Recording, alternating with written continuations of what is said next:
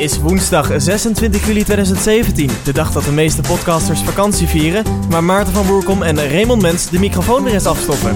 Je luistert naar een zomerspecial van de TechSnacks podcast. Vier tech-onderwerpen in 40 minuten. Ja, we bestaan nog. Raymond, ineens op een eh, warme woensdagavond in juli. Daar zijn we weer. Daar zijn we weer. Er is veel gebeurd. De Verenigde Staten hebben een nieuwe president. Nederland nog geen nieuw kabinet. Ik heb een soort van, maar toch niet helemaal nieuwe werkgever. En jij een officieel diploma. Ja joh, er kan wat gebeuren in die paar maanden hè. Nee, we zijn eh, stil geweest. Waarom zijn we weg geweest? Uh, live happened, zal ik maar zeggen. Voor de luisteraar wat minder leuk, uh, maar voor ons nou best wat live events die de revue hebben gepasseerd. Zoals een scriptie. Ja, er was een scriptie, een afstudeerproject en een nieuwe baan die uh, ook nu op het punt van uh, starten staat. En voor mij ook een soort van nieuwe baan, maar niet helemaal. Het bedrijf waarvoor ik werk, uh, One More Thing BV, is overgenomen. En bij zo'n overname komt een hele, hele, hele, hele, hele hoop kijken, kan ik je vertellen. Ja, en jij, misschien is het goed voor mensen die One More Thing niet kennen. Dat is een website die normaal door een team van vier mensen ongeveer gerund werd. Maar het afgelopen jaar was ik eigenlijk de enige die zich nog met de website bezig hield. Ja, in ieder geval actief. Dus dat betekent ook dat jij een grote rol speelt in de transitie naar die nieuwe werkgever, of niet? Precies. Spannend. nou, dat loopt nu allemaal, uh, komen vette dingen aan, uh, nieuw design, nou, de redactie wordt weer opgetuigd, allemaal hele leuke positieve ontwikkelingen. Maar het heeft gewoon even ja, een behoorlijk wat werk en tijd nodig. En ja, Jij uh, scriptie, ik overname en zo zijn er eens een paar maanden verder. Zondag podcast. Maar wij bestaan nog en wat ook nog bestaat is Soundcloud, onze host. Maar misschien houdt dat binnenkort wel op. Want in het vierde kwartaal van dit jaar is het geld bij Soundcloud gewoon op. Ja, ja dat hoorde ik ook, ja. Overigens um, houden wij ook helemaal op. Dat uh, was ik niet van plan eigenlijk. Nee, het blijft nog wel even spannend hoe we het gaan vormgeven. Maar uh, de ambitie is er wel om TechSnacks voor te laten leven. Wij gaan even deze zomer, na deze aflevering voor jullie in het vliegtuig, gaan wij eens even nadenken hoe we precies met TechSnacks verder gaan, op welke frequentie en in welke vorm. Uh, ons format, daar houden we graag aan vast. 40 minuten in en dan vier tech-onderwerpen behandelen, want dat vinden we ja, leuk. En ik wil deze zomer nog een iOS 11 special opnemen. We gaan het straks nog even over iOS 11 hebben, maar ik wil in één aflevering ook in vier dingen van iOS 11 even heel diep duiken. Ja. Maar we gaan eerst even, het, het, het nieuwe is er natuurlijk, maar er is ook altijd iets als nieuwe technieken komen, dan gaat het oude weg. Nou, we kunnen heel even een momentje stil te houden voor iets ja, wat, wat er niet meer is. Adobe Flash. Ja, het, het is, we hadden het eigenlijk al drie keer doodverklaard volgens mij in andere afleveringen. Maar Adobe heeft nu eindelijk officieel aangekondigd: vanaf 2020 is er geen support meer. Geen nieuwe plugins voor browsers en ook geen uh, updates meer. Dus dat betekent dat we per 2020 geheel afscheid gaan nemen met, uh, van Flash. Uh, het is dat we de hele tijd ook een vervanger hebben. En dat heet HTML5. Ja, en dat kan eigenlijk tegenwoordig alles wat Flash kan. Op één ding na, maar daar komen we straks nog even op. Uh, en waar we dan afscheid van nemen is vooral de webplugin van Flash. Dus Flash op websites. Want we kennen eigenlijk twee vormen van Flash. Um, de browser plugin natuurlijk, die altijd vol was met security bugs en waar altijd wel wat mis mee was. Maar er is ook een uh, Adobe pakket dat heette Adobe Flash. En dat was meer een animatieprogramma. Ja, ja. En dat gaat natuurlijk wel verder. Ja, wanneer als we aan Flash terugdenken, tenminste, uh, als ik aan Flash terugdenk, dan gaan we toch uh, richting het jaar, um, ja, wat is het, 2011, dat de iPad een beetje gangbaar werd. Ja. Er was een enorm tegenargument. Want de iPad ondersteunde geen Flash. En als je kijkt naar het internet in 2011, dan uh, bestond dat voor een heel groot gedeelte uit Flash. Flash-onderdelen, bewegende onderdelen, gebaseerd op Flash. Wat kun jij een, een beetje toelichten wat, wat dat Flash nou eigenlijk is? Nou, hè, voordat we HTML5 hadden, was er een manier nodig om multimedia op het web te weergeven. Dus om mooie animaties soepel te tonen en om gebruik te maken van video, maar ook live webcams en audio en videobellen, maar ook bijvoorbeeld spelletjes. Hè? HTML was natuurlijk een plaatje tonen in een, in een diffje, in een tabelletje, maar daar kon je bijvoorbeeld geen farmville mee maken. Nee, nee. Nou, en al die Facebook-spelletjes bijvoorbeeld, die draaiden destijds allemaal op Flash. Uh, omdat in Flash ook een uh, scripttaal zit. Dat is ActionScript. Heb ik in een heel ver verleden nog mee bezig gehouden. Is best een uh, uitgebreide programmeertaal. Die je nu eigenlijk een beetje kunt vergelijken met geavanceerde JavaScript. Maar dat was dus zeg maar echt de voorloper van multimedia via HTML5 en JavaScript. En bijvoorbeeld Farmville, dat is ja, in de jaren dat het opkwam, eerst helemaal in Flash en ActionScript gemaakt. Dus veel weerstand bij het uitkomen van de Apple-producten die geen Flash ondersteunden. Ja, en ehm, Steve Jobs die nam destijds uh, behoorlijk een standpunt in. Die zegt, ja, Flash is niet open. Dus uh, dat, ja, dat is helemaal niet fijn, want we hebben geen inzicht erin. Adobe bepaalt alles. Ja, de presentaties van het systeem gaan erop achteruit. Het is niet veilig. De batterijduur, nou, we hebben heel hele rant tegen Flash. Ja, en eigenlijk hebben ze altijd wel aan vastgehouden. Al kwamen er toen wat appjes kan me nog uh, herinneren dat ik een, uh, browser op de iPad had gezet. Uh, waarin ik dan wel Flash kon activeren. Oh ja, ik had geloof ik ook nog een, een jailbreak tweak op een iPhone die Flash mogelijk maakte. Ja, ja, Dus het, maar het was echt wel een dingetje. maar dat is eigenlijk de afgelopen jaren wel uitgefaseerd. Of zeg ik dat niet goed? Ja, je vindt Flash tegenwoordig nog op een paar websites die of heel erg geavanceerde audio en video nodig hebben. Of gewoon ja, jaren niet bij zijn gewerkt. Maar er was één fabrikant en die zag zijn kans schoon in 2010. Toen de iPad uitkwam, toen had BlackBerry, over dingen die bijna dood zijn gesproken. BlackBerry had ook een tablet en die heette de BlackBerry Playbook. Herinner je hem nog in 2011? De BlackBerry Playbook. Dat was een soort van de, de iPad-concurrent van BlackBerry.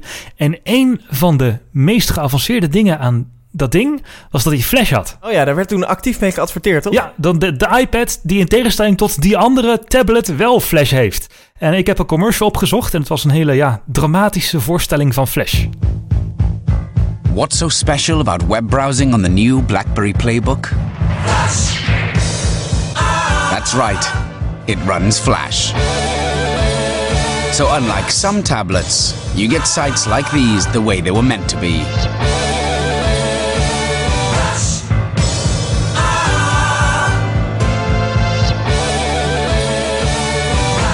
Powerful portable playbook. Ja, ja dat is dat, uh, dat tabletje wat een beetje lijkt op um, wat we, ja, die fotolijstjes die ook hip zijn geweest. Die digitale fotolijstjes, daar heeft het wat van weg. Ja, klopt. Uh, grote rand eromheen, uh, een vrij klein schermpje.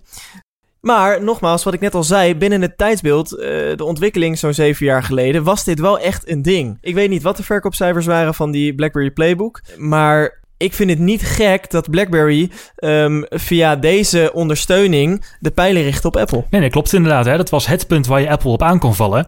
En hoezeer Flash de laatste tijd ook achteruit is gegaan, de laatste twee jaar met security, bugs en weet ik het allemaal. We moeten niet vergeten dat Flash echt een hele hoop op het web mogelijk heeft gemaakt. Een hele hoop multimedia, die gewoon HTML nog niet klaar voor was, gewoon echt niet mogelijk was. Je moest gewoon Flash gebruiken als je vette animaties en uh, web experiences wilde bouwen. Dus ja, het heeft zijn doel wel gediend. Ja. Maar nu is het echt wel klaar. Ja, vanaf 2020 dus geen support meer, geen nieuwe browsers, geen security updates. Wat betekent dat voor de veiligheid op de computers? Dat de mensen die Flash gebruiken in ieder geval nog uh, tot die tijd security updates krijgen, is wel fijn. Want Flash is nu niet zo super veilig de laatste tijd. Er worden veel uh, bugs ontdekt. En ja, na 2020 hoop ik dat al die mensen de Flash plugin gaan deinstalleren. Of dat er in ieder geval geen Flash meer geïnstalleerd wordt. Want anders blijft iedereen met een eeuwenoude Flash op zijn computer zitten. En dat is natuurlijk uh, goud voor uh, hackers en uh, kwaadwillenden. Precies. Ja. En nu is er nog één ding waar Flash anno 2017, als je Safari gebruikt op je Mac of op je iOS-apparaat, op je iOS heeft er sowieso niet gemerkt, maar als je nu Safari gebruikt op je Mac, dan kun je bijvoorbeeld geen webvariant van Skype of Google Hangouts gebruiken. Dat, die techniek die dat mogelijk maakt heet WebRTC wat staat voor Real-Time Communications, dus Web Real-Time Communications. Dat zit nog niet in Safari. En daardoor zie je dat heel veel websites die die standaard uh, nodig hebben om bijvoorbeeld uh, een grote chatroom of chatroulette of andere websites die gebruik maken van audio en video real-time één op één communicatie, dat die vaak nog wel naar Safari-gebruikers een uh, Flash-applet tonen.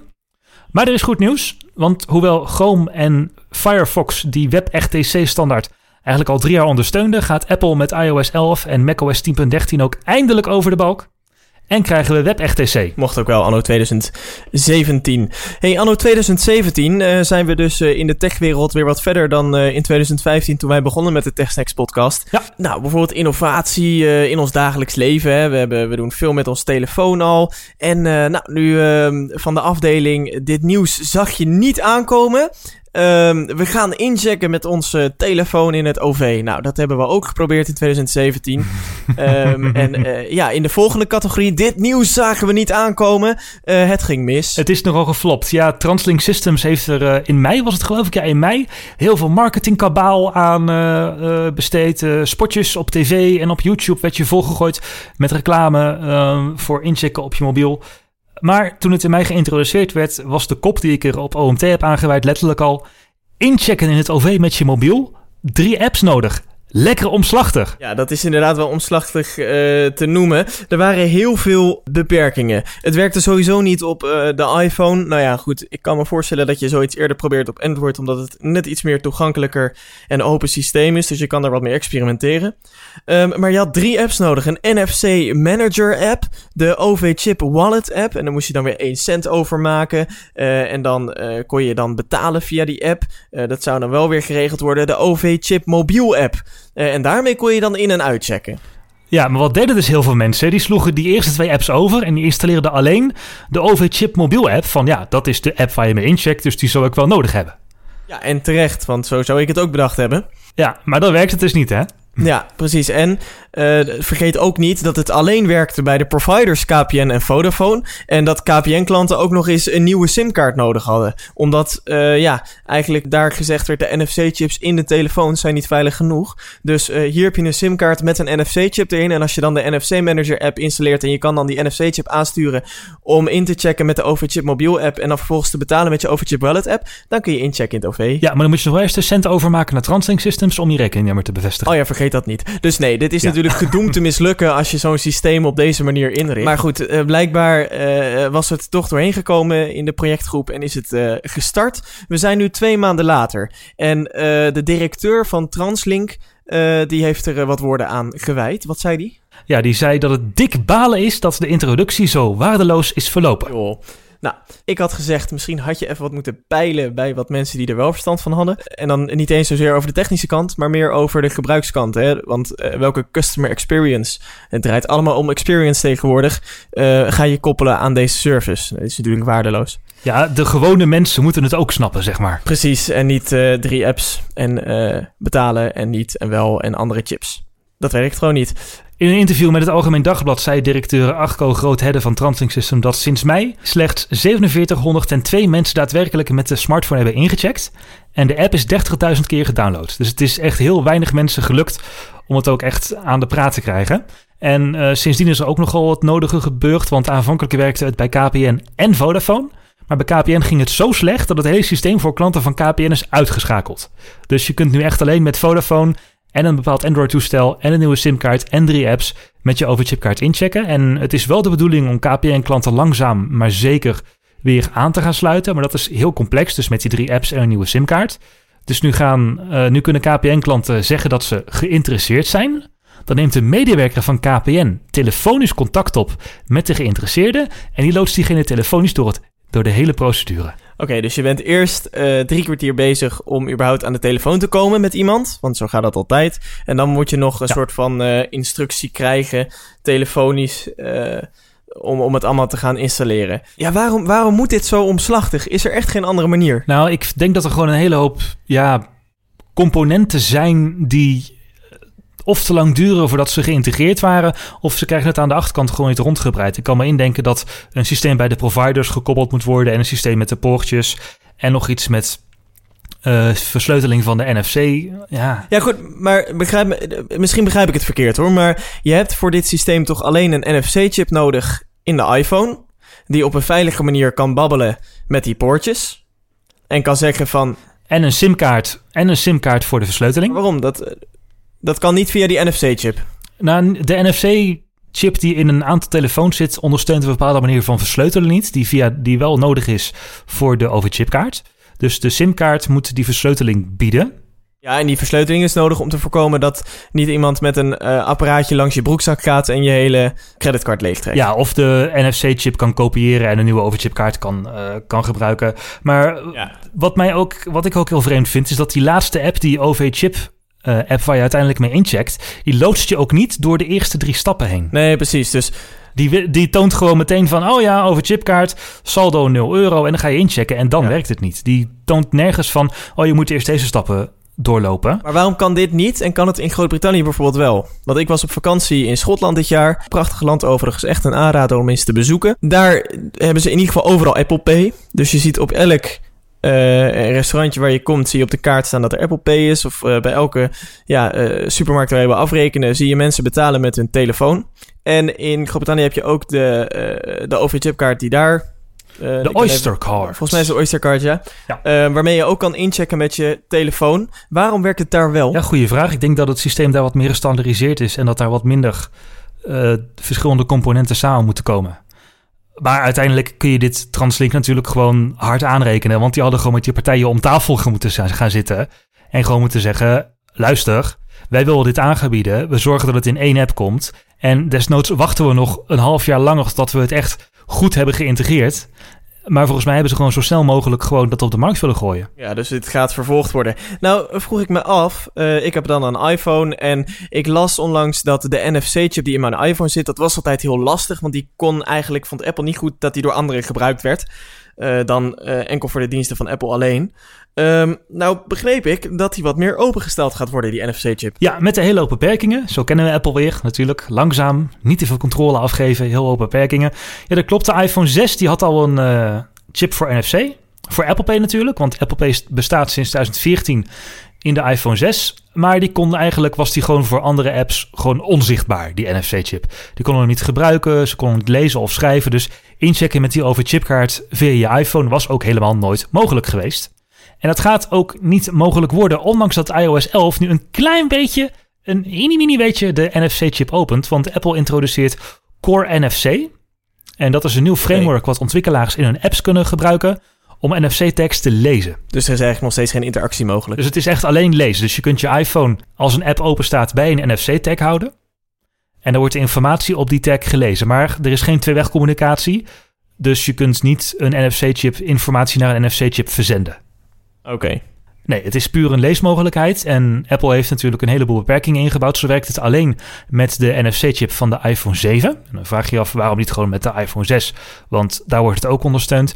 Nou, er is een bepaalde. Japan heeft zijn eigen NFC-standaard. En de NFC-chip in de iPhone 7 ondersteunt pas de Japanse standaard. En Apple heeft gezegd: we doen het overal of we doen het nergens. Dus alleen die van de. Voor 7. Ja. Nou, Core NFC. Als je je iPhone zonder een specifieke app bij de NFC-tag houdt, gebeurt er nog steeds niets. Niks. Oké, Nee. helaas. Dus ontwikkelaars moeten echt dat Core NFC framework in een app stoppen. In een app een knop stoppen die zegt scan tag. En dan gebeurt er pas wat. Dus het is niet dat je dat je, je iPhone gewoon ergens tegenaan kunt houden en dat er wat gebeurt. Nee, dus NFC ehm, wordt het eh, voor de iPhone-gebruikers in ieder geval niet. Maar, en ik heb hier mensen voor gek verklaard, d- die dit zeiden enkele tijd terug. QR-codes zijn de toekomst, werd er wel eens gescandeerd. En het is zo. Ehm, en het is zo, verdorie. Want ik merk dat ik ehm, met mijn iPhone naast mijn computer mijn internetbankieren van ING inmiddels overneem op mijn iPhone. Want dan kan ik makkelijk met mijn Touch ID en pincode inloggen. Dat ik met mijn DigiD en de DigiD-app inlog op de online omgevingen van de overheid. En dat gebeurt allemaal door middel van een QR-code die gegenereerd en getoond wordt op het scherm. Waarmee ik dus betalingen kan overnemen, waarmee ik inlogmomenten kan overnemen ehm, met mijn iPhone. En verdorie, ik maak er veel gebruik van. Nou, ik kan het je vertellen dat we zijn inmiddels bij het, eh, bij derde onderwerp iOS 11 aangekomen, denk ik. Zo'n beetje in een natuurlijke flow. Dat je in iOS 11 met de camera-app van de iPhone QR-codes kunt scannen. Kijk, maar ehm, betekent dat dan dat zo, dan moet zo in zo'n QR-code wel weer een extra commando worden ingebouwd? Dat op het moment dat ik de QR-code op mijn internetbankieromgeving scan, dat hij dan ook mijn ING-app opent? Want nu moet ik nog mijn ING-app openen, ehm, daar inloggen eh, met mijn Touch ID, maar goed, dat gaat allemaal heel erg soepel. Mhm. En dan tik ik daarop, ehm, ik wil een QR-code scannen, of dat is een knop met scanner. En dan, op, eh, kan ik hem meteen overpakken. En datzelfde geldt voor de DigiD-app. Die open ik. Vervolgens eh, zeg ik, dan opent er meteen een scherm waarmee je kan scannen. En dan ga ik verder. Ja, ik denk dat dat gewoon blijft. Dat die functionaliteit in de app zelf gewoon blijft. Maar een QR-code kan bijvoorbeeld ook gebruikt worden voor het openen van een link. Dus stel je hebt, je staat bij een bushalte, stond ik onlangs. Eh, dan kun je voor real-time info kun je natuurlijk naar 9292 een hele link openen. Maar je kunt ook gewoon de QR-code die er aangeplakt staat bij de bocht van 9292 scannen. En je wordt meteen naar de juiste webpagina met info over die halte gestuurd. Op het moment dat je dat met de camera-app van de iPhone doet, dan zegt, eh, komt er bovenaan een banner van... hey, je hebt de QR-code gescand, wil je deze website openen? En dan denk je ja, pam, en je meteen op de website. Gisteren was ik in de sportschool, hebben ze een heel nieuw vet wifi-systeem met goede bandbreedte, eh, voldoende dekking. Er hing ook een QR-code aan de muur. Nou, ik hou mijn iPhone met de camera-app open voor die QR-code van het wifi-netwerk. Daar zit de naam van het netwerk en het wachtwoord in. En mijn iPhone vraagt, oh, ik heb een QR-wifi-code herkend. Wil je verbinding maken? Ik zeg, ja, bam. En ik had verbinding. Toen dacht ik, damn, QR-codes zijn eigenlijk stiekem best wel handig. Ja, dus um, daar hadden wij het even mooi mis. Hey, iOS 11. Um, dat is aangekondigd tijdens de WWDC. Dat is alweer een, uh, bijna twee maanden terug. Maand terug, denk ik. Zoiets. 6 juni was het. 6 juni. Ja, iets meer dan uh, bijna, bijna twee, maanden. terug was de, de WWDC, de uh, Internationale Developers Conference van Apple. En uh, daar hebben ze het nieuwe... Die ik helemaal in mijn eentje heb gecoverd, want ik had geen collega's meer. Ja. Maar even klaag, klaag tussendoor. Ja, dat is je werk. En... nou, dit knippen er wel uit. Um, nee, de iOS 11 op de WWDC, de internationale developersconferentie van Apple, is dat aangekondigd samen met de nieuwe versie van Mac OS. Hoe gaat die heten? Dat is... Hi Sierra. Hi Sierra? Geen grap. Ja, High Sierra, hoge Sierra. Hoge, de hoog... Dus het is een soort van leopard, snow leopard. Ja, precies. Betekent dat ook dat er minder innovatie in zit? Ja, het is, zijn vooral uh, frameworks die in High Sierra zijn gestopt. Er zijn wel een paar verbeteringen, maar die zijn heel boeiend. Maar Apple stopt bijvoorbeeld een heel groot VR-framework in de Mac. Dat de Mac gebruikt kan worden voor um, ehm, VR-productie. Er zijn verbeteringen aan Safari. Autoplay video wordt tegengegaan. De mail-app krijgt betere uh, indexeringen, dat soort dingen. Maar echt de grote dingen op de achterkant zijn het filesysteem, Apple File System... en de productie van VR die mogelijk wordt. Maar iOS 11, dat is echt een hele, hele grote release. eigenlijk de grootste sinds jaren eigenlijk. Oké, dus eigenlijk kunnen we iOS 11 vergelijken met uh, iOS 7, toen een grote design overhaul kwam. Uh, klopt dat? Ja, al is het design niet zo heel erg aangepakt, maar vooral iOS 11 is eigenlijk, als ik de grootste functionaliteiten moet omschrijven, is voor de power users. Oké, dus uh, welke nieuwe functies kunnen we verwachten? Nou, als je een iPad hebt, dan komt er heel veel nieuws. De iPad krijgt namelijk een soort van dock. Het dock wat je eigenlijk van de Mac kent, komt naar de iPad. En daardoor kun je heel makkelijk gaan multitasken. Je kunt, ik heb het hier op mijn iPad openstaan. Je kunt apps gewoon vanuit het dock naar één kant van het scherm slepen. En uh, daardoor heel makkelijk multitasken. Nou, de multitask features zijn helemaal aangepakt. Er is een nieuwe bestanden-app. Dat is een heel... Uh, dat is een lang gehoorde wens van heel veel powerusers van geef ons nou gewoon een bestandssysteem Apple. We weten dat, we niet op, dat jullie niet op bestanden zitten te wachten op uh, mapjes. Maar geef ons nou gewoon een bestandssysteem. Nou, er is een bestanden app. Mm daar ben ik zelf niet zo heel erg kapot van, om eerlijk te zijn. Maar die hadden we nu toch ook? Want we hadden toch gewoon die iCloud Drive app? Ja, precies. Het verschil tussen de iCloud Drive... en eigenlijk is de bestanden app is een iCloud Drive dan ook voor lokale bestanden. Maar bijvoorbeeld ook je, Dro je ah. Dropbox zit erin, je OneDrive zit erin, je Google Drive zit erin. Dus eigenlijk alle bestanden op een iOS-apparaat in één. Finder, een Finder of een Windows-verkenner, maar dan voor de iOS-devices. Ja, eh, en dan echt op de iOS-manieren van werken ingericht. Dus je kunt bijvoorbeeld okay. in je iCloud Drive, een paar klachten van mij, in je iCloud Drive kun je een nieuwe map maken. Maar er is dan ook een sectie op mijn iPad. Dan klik je daar en dan heb je nog alleen de mappen van de standaard apps, zoals GarageBand, Keynote, Numbers en Pages. Okay. Maar je kunt niet zeggen van, oh, ik maak eens een nieuwe map, uh, project X, en ik sleep daar allemaal verschillende Pages documenten en Numbers documenten en Keynote documenten in. Dat gaat er in het lokaal. Mm uh, wat wel heel mooi is, is dat ja, OneDrive zit erin, Dropbox zit erin. Dus je kunt eigenlijk al je ja, bestanden, diensten zitten in één app. Okay. Ik dacht, hoe ver zal Apple zijn gegaan met het ondersteunen van echte bestanden? Dus ik kocht zo'n Lightning naar USB verloopje en ik heb er een USB-stick ingestopt. Ja. Drie keer raden wat er gebeurde. Uh, heel iOS 11 crash. Helemaal niks. Helemaal niks. Ah, ik kan dus geen USB-stick Ondersteuning voor USB-stick zit er nog niet in. En ook bijvoorbeeld je foto's, die staan nog steeds echt in de fotorol en niet in die bestanden app. Ik had er zelf eerlijk gezegd wat meer van verwacht. Dus dat je gewoon vrij mappen kunt aanmaken op een bestandssysteem in je iPad. Maar Apple houdt toch nog een beetje vast aan die uh, indeling per app. Dus je kunt zeggen dat het meer een soort van universele uh, view op bestanden in alle apps is. Dus je Dropbox is niet meer apart, je Numbers is niet meer apart, maar je ziet gewoon alle bestanden die in verschillende apps zitten in één uh, overzichtelijke app. Hij is wel overzichtelijk, dat wel. Okay. Nou, en samen met dat dock, waardoor je dus best makkelijk kunt multitasken en die bestanden-app, begin ik stiekem wel te denken, misschien zou ik een deel van mijn werkzaamheden wel eens op een iPad kunnen doen. Ik heb het nog niet geprobeerd, maar het wordt nu wel zeg maar zo volwassen dat ik denk van, oh, oh dock, snel multitasken, toetsenbordje bij de iPad. Misschien kan ik er wel wat mee. Is Apple hier niet veel te laat mee? Ja, dat had een jaar eerder moeten. Om mee te komen in de markt. Uh, dat denk ik ook trouwens. Uh, dat is een beetje een retorische vraag. Maar ja, het klinkt allemaal tof. Maar even tussen jou en mij, dit kon op de allereerste eh, Microsoft Windows Surface al. Alleen die verkoopt voor geen meter. Nee, die verko- nee, goed, maar dat had denk ik andere reden. Want ik denk dus dat die uiteindelijk te vroeg was eh, in, zijn, Ja. in zijn release. De iPad-verkoop gaat al een tijd lang achteruit. Eh, denk je dat Apple hier voldoende aan heeft om deze verkoop weer te gaan stimuleren? Nou, ik denk dat er wel een compleet nieuwe doelgroep aangesproken wordt. In ieder geval met de nieuwe iPad Pro, die ook heel snel is, en iOS 11. Dat de productiviteitsstijgers nu wel echt wat met de iPad kunnen gaan doen.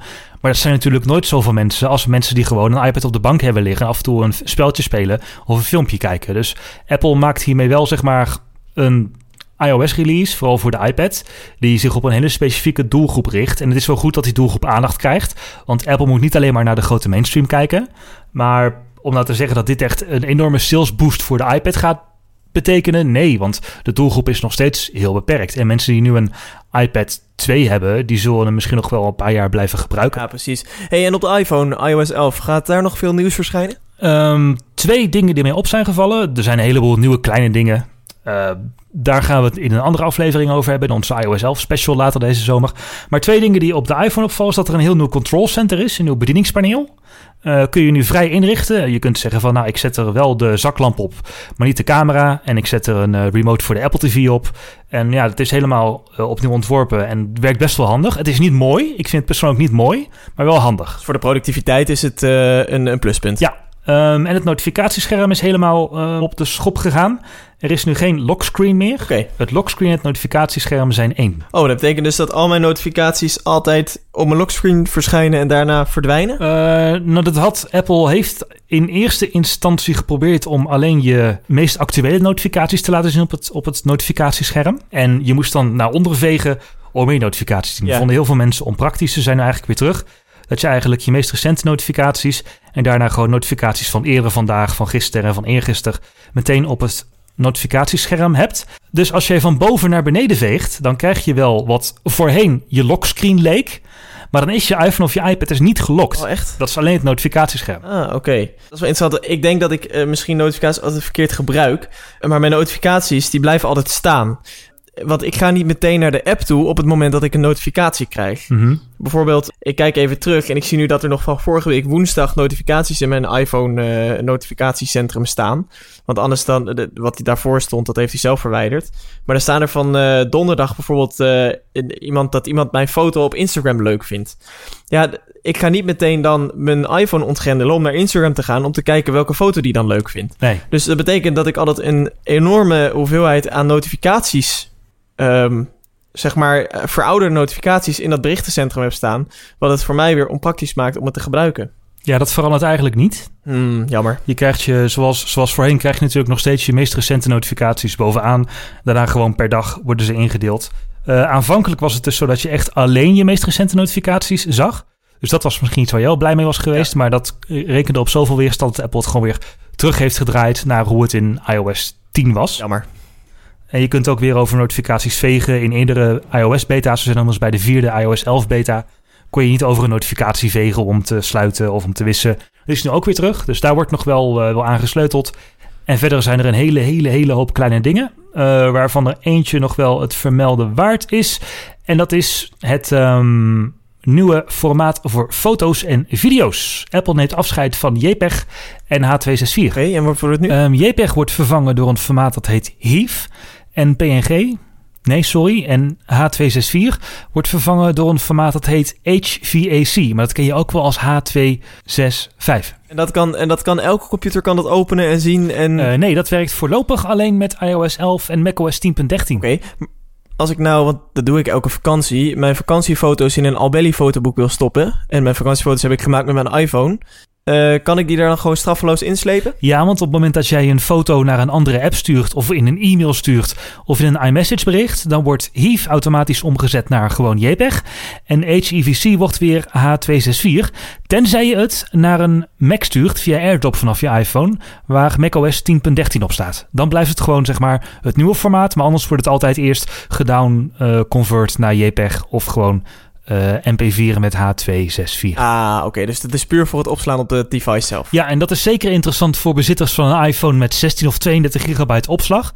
Want als je kijkt naar bijvoorbeeld gewoon een 12 megapixel foto, die eh, gemaakt. Ik heb het zelf even vergeleken met een iPhone 7 met iOS 10 en een iPhone 7 met iOS 11 en de nieuwe bestandsformaten. Dat was een iOS 10, Ah, was een. JPEGje van 12 megapixels, wat je gewoon met de camera maakt, was 3,8 MB groot als JPEG. En als HEIF was het slechts 2,2 MB groot. En bij een live foto wordt het nog interessanter. Een live foto van 12 megapixels was in iOS 10 2,1 MB op je apparaat en in iOS 11 slechts 900 kilobyte. En dat gaat ook voor 4K video echt heel veel schelen. Dus daar krijg je flink wat ruimte op je apparaat voor terug. Het is overigens niet zo dat je fotobibliotheek door Apple omgezet wordt naar HEIF en HVAC. De JPEG'jes die je met iOS 10 eerder hebt gemaakt blijven gewoon JPEG'jes. En alle nieuwe foto's die, die je met iOS 11 maakt automatisch als HEIF en HEVC worden opgeslagen. Hmm, dat is wel interessant, ja. Nou, wordt vervolgd. We gaan het nog eh, uitgebreid hebben over iOS 11 en eh, misschien ook nog even over het eh, nieuwe Mac OS tijdens onze special later deze zomer. Nog meer Apple eh, praat, want eh, we hebben wat eh, verjaardagen gehad van apparaten deze zomer of dit jaar. De iPhone bestaat 10 jaar, de Apple Watch 2 jaar. En dat zijn twee producten waar we het toch even over willen hebben. Even de verjaardag vieren van de iPhone. Nou, ik denk dat we over de iPhone eigenlijk alleen maar positieve dingen kunnen zeggen. In de tien jaar dat het apparaat uit is. Qua ontwikkeling wel. Qua design ben ik het eigenlijk niet helemaal met je eens. Ik vind overigens het grotere scherm erg prettig. Maar als je... eh, ik heb een iPhone 7. Ehm, wat ik qua design niet mooi vind, is de camera die er als een bobbeltje bovenop ligt. Eh, de ronde hoeken, eh, zoals ik ze nu hier vast hier, hier zie, vind ik ook niet heel bijzonder fraai. Zo afgebold ook, zeg maar. Mhm. Wat al een verbetering is, is dat de antenne-naden niet meer helemaal dwars over je eh, body van je iPhone heen lopen. Maar qua design vond ik het mooiste toch wel eh, mijn eerste iPhone, de, de 5S. Jij kwam pas bij de, De 5S, hè? Ik kwam pas bij de 5S eh, in de iPhones eh, terecht.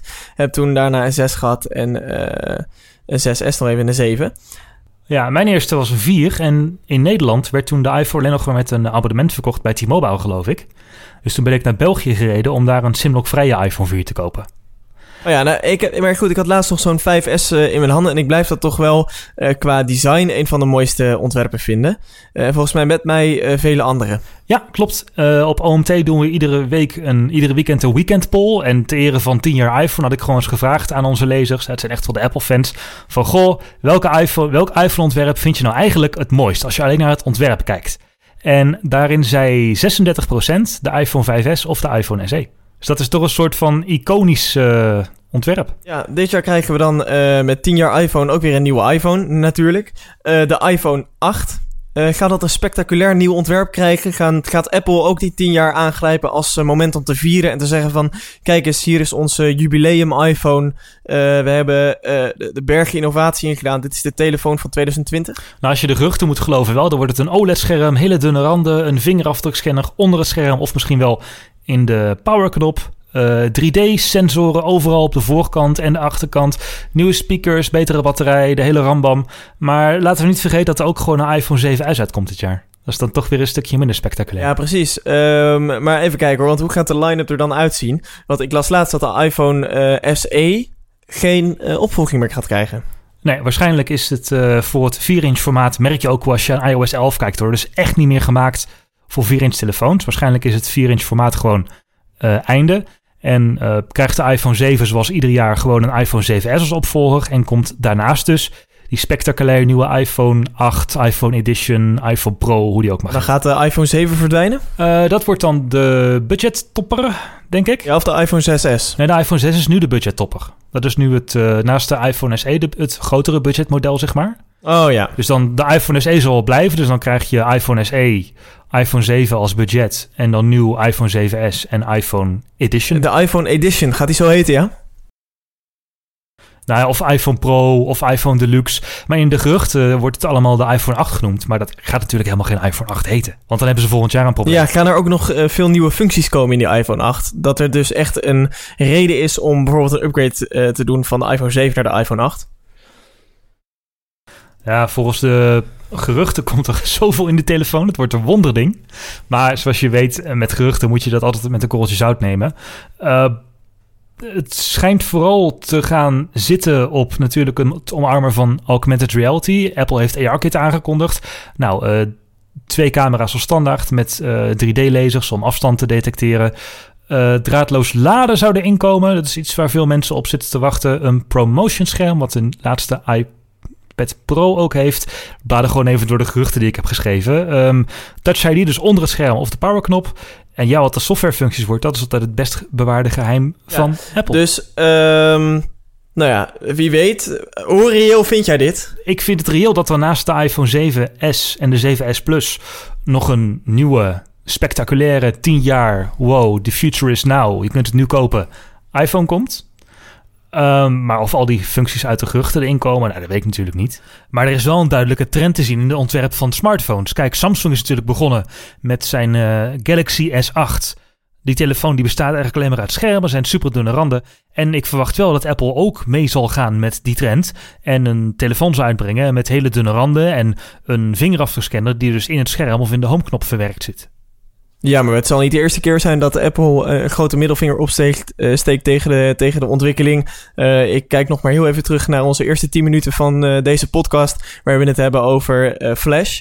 Um, naar dit soort design Dingetjes. Ja, ik denk toch wel dat Apple de hete adem van Samsung in zijn nek voelt. Uh, je zag ook dat toen de iPhone 6 geïntroduceerd werd, Samsung had al tijden grote toestellen. En dat mensen toen ook iets van, oh yes, eindelijk, eindelijk een grotere iPhone. Dus ik denk wel dat Apple die druk voelt om, uh, om mee te komen. En dat ze met de tiende verjaardag van de iPhone een soort van mooi uitweggetje hebben om nog eens een extra toestel te lanceren. Ja, precies. Nou, we gaan het allemaal meemaken. Wanneer verwachten ze hem? Zoals elk jaar, half september. Uh, zou de nieuwe iPhone komen. En dan zien we dus de 7S en die iPhone 8. Wat daar misschien nog even leuk is om te vermelden, is dat de homeknop dus weg gaat vallen en dan heb je ineens een stuk extra scherm. Ja, dat zou interessant zijn. Misschien komt er wel een dock. Precies, krijgt de iPhone een dock. Ja, of uh, wat Samsung bijvoorbeeld in de Galaxy S8 mogelijk maakt, is dat je een video boven de berichten-app kunt zetten bijvoorbeeld. Dat je gewoon je YouTube-video verder kunt kijken en even een sms'je kunt beantwoorden. Ah ja, nou. Zo'n lang scherm maakt dat natuurlijk mogelijk. We gaan maar ja, zien. Er zijn dit jaar opvallend weinig concrete geruchten. Je hebt natuurlijk de gebruikelijke mensen als uh, Ming Chi Kuo, de bekende analist die alles uit de supply chain haalt. Maar onze eigen geruchtentijger Mark Gurman is een beetje stil. Dus ik denk dat Apple de geruchten aardig onder controle heeft dit jaar. En dat is stiekem eigenlijk ook weer wel leuk. Want nu is het allemaal nog een beetje een verrassing. En is die nog niet helemaal gelekt. We gaan het meemaken. Hey, en verwacht je ook een nieuwe Apple Watch? Ja, de derde Eigenlijk hebben we tot nu toe gezien dat de Apple Watch ieder jaar uh, vernieuwd wordt. En ik verwacht ook als dit jaar weer een stukje snellere processor en een stukje sneller, uh, misschien wel 4G erin, een stukje betere chip. Ja, dat zal er wel aankomen. Geen spannende innovaties? Nee, ik denk dat de accu daar nog te klein voor is, joh. Ik denk dat als je echt hele spannende dingen in de Apple Watch wil doen, dat de accu na een uh, paar uur het begeeft. Mm, Oké. Okay. Ja, daar hang jij een beetje op, hè? Ja, dat is... Um, ik denk eerlijk gezegd, ik had het er laatst over met wat mensen, dat um, als je kijkt naar de echte wearables, um, die hebben ons toch minder gebracht dan gehoopt. Ik denk dat uiteindelijk blijkt, ja, als, en dan wearables in, in, de, in de breedste zin van het woord, blijken onze smartphones goed uh, in staat om stapjes te tellen en um, om wat uh, activiteit te tracken. en zijn de, de, de sensoren die tot nog toe in de wearables gestopt zijn eigenlijk niet geheel betrouwbaar genoeg om echt voor medische wetenschap of zo in te zetten. Um, nee, dat sowieso niet. Voor de medische dingen inderdaad. Nee, echt niet. Daar had ik wel grote hoop voor. Uh, dus ik denk eigenlijk dat de, de wearable in, in de vorm zoals we die nu kennen, met de functionaliteiten die we nu kennen, uh, uh, nou niet echt de wereld veroverd heeft. Nee, ik denk dat het een leuk accessoire is. Zo gebruik ik mijn eigen Apple Watch ook vooral om een beetje meer info over je sporten te hebben en wat notificaties. Maar ja, apps worden eigenlijk al nauwelijks meer gebruikt op een smartwatch. Heel veel Apple Watch apps zijn ook opgehouden met bestaan. Bijvoorbeeld Google Maps heeft geen Apple Watch app meer. Uh, er zijn meerdere grote uitgevers die hebben gezegd van ja, onze Apple Watch app wordt zo weinig gebruikt, daar gaan we gewoon niet, geen ontwikkelingstijd meer in steken. Ja, terwijl het volgens mij niet ligt aan de functie, direct aan de functionaliteit, maar wel de wijze waarop dat nu uh, mogelijk was om het te gebruiken. Dus gewoon qua processorkracht en qua uh, accu-capaciteit en hoeveel zo'n app dan kan doen binnen die beperkingen. Ja, en het is traag, hè? En het is heel, heel traag. En ik denk als je die problemen tackelt, dat er wel weer wat winst te behalen is. En dat het ook weer wat meer dan alleen een gimmick wordt die eigenlijk fors tegenvalt. Ja, dus ik vermoed ook wel dat Apple daar met de volgende Apple Watch weer wat stappen in gaat maken. Snellere chip, betere accu. Maar je Apple Watch of je smartwatch kan nog lang je smartphone niet vervangen natuurlijk. We gaan het meemaken. Raymond, we zijn alweer aan het einde van de 40 minuten. En omdat het, uh, het is weliswaar zomer en uh, speciale podcast zo ineens. Maar we houden ons wel aan ons format. Dat betekent dat we er zijn. Ja, vier onderwerpen, 40 minuten, dat is TechSnacks. We bedanken NoDots.nl voor het sponsoren van deze podcast, ook in tijden dat we er even niet zijn. En Bandsound voor de intro en de outro muziek. Volgende keer zijn we er met een speciale uitzending over iOS 11. En heb je vragen over iOS 11 of macOS 10.13 of WatchOS 4? Ga dan even naar techsnacks.nl en vul jouw vraag via onze website in. Dan nemen we de volgende keer mee. Bedankt voor het luisteren en tot de volgende keer. Bedankt voor het luisteren. Doeg!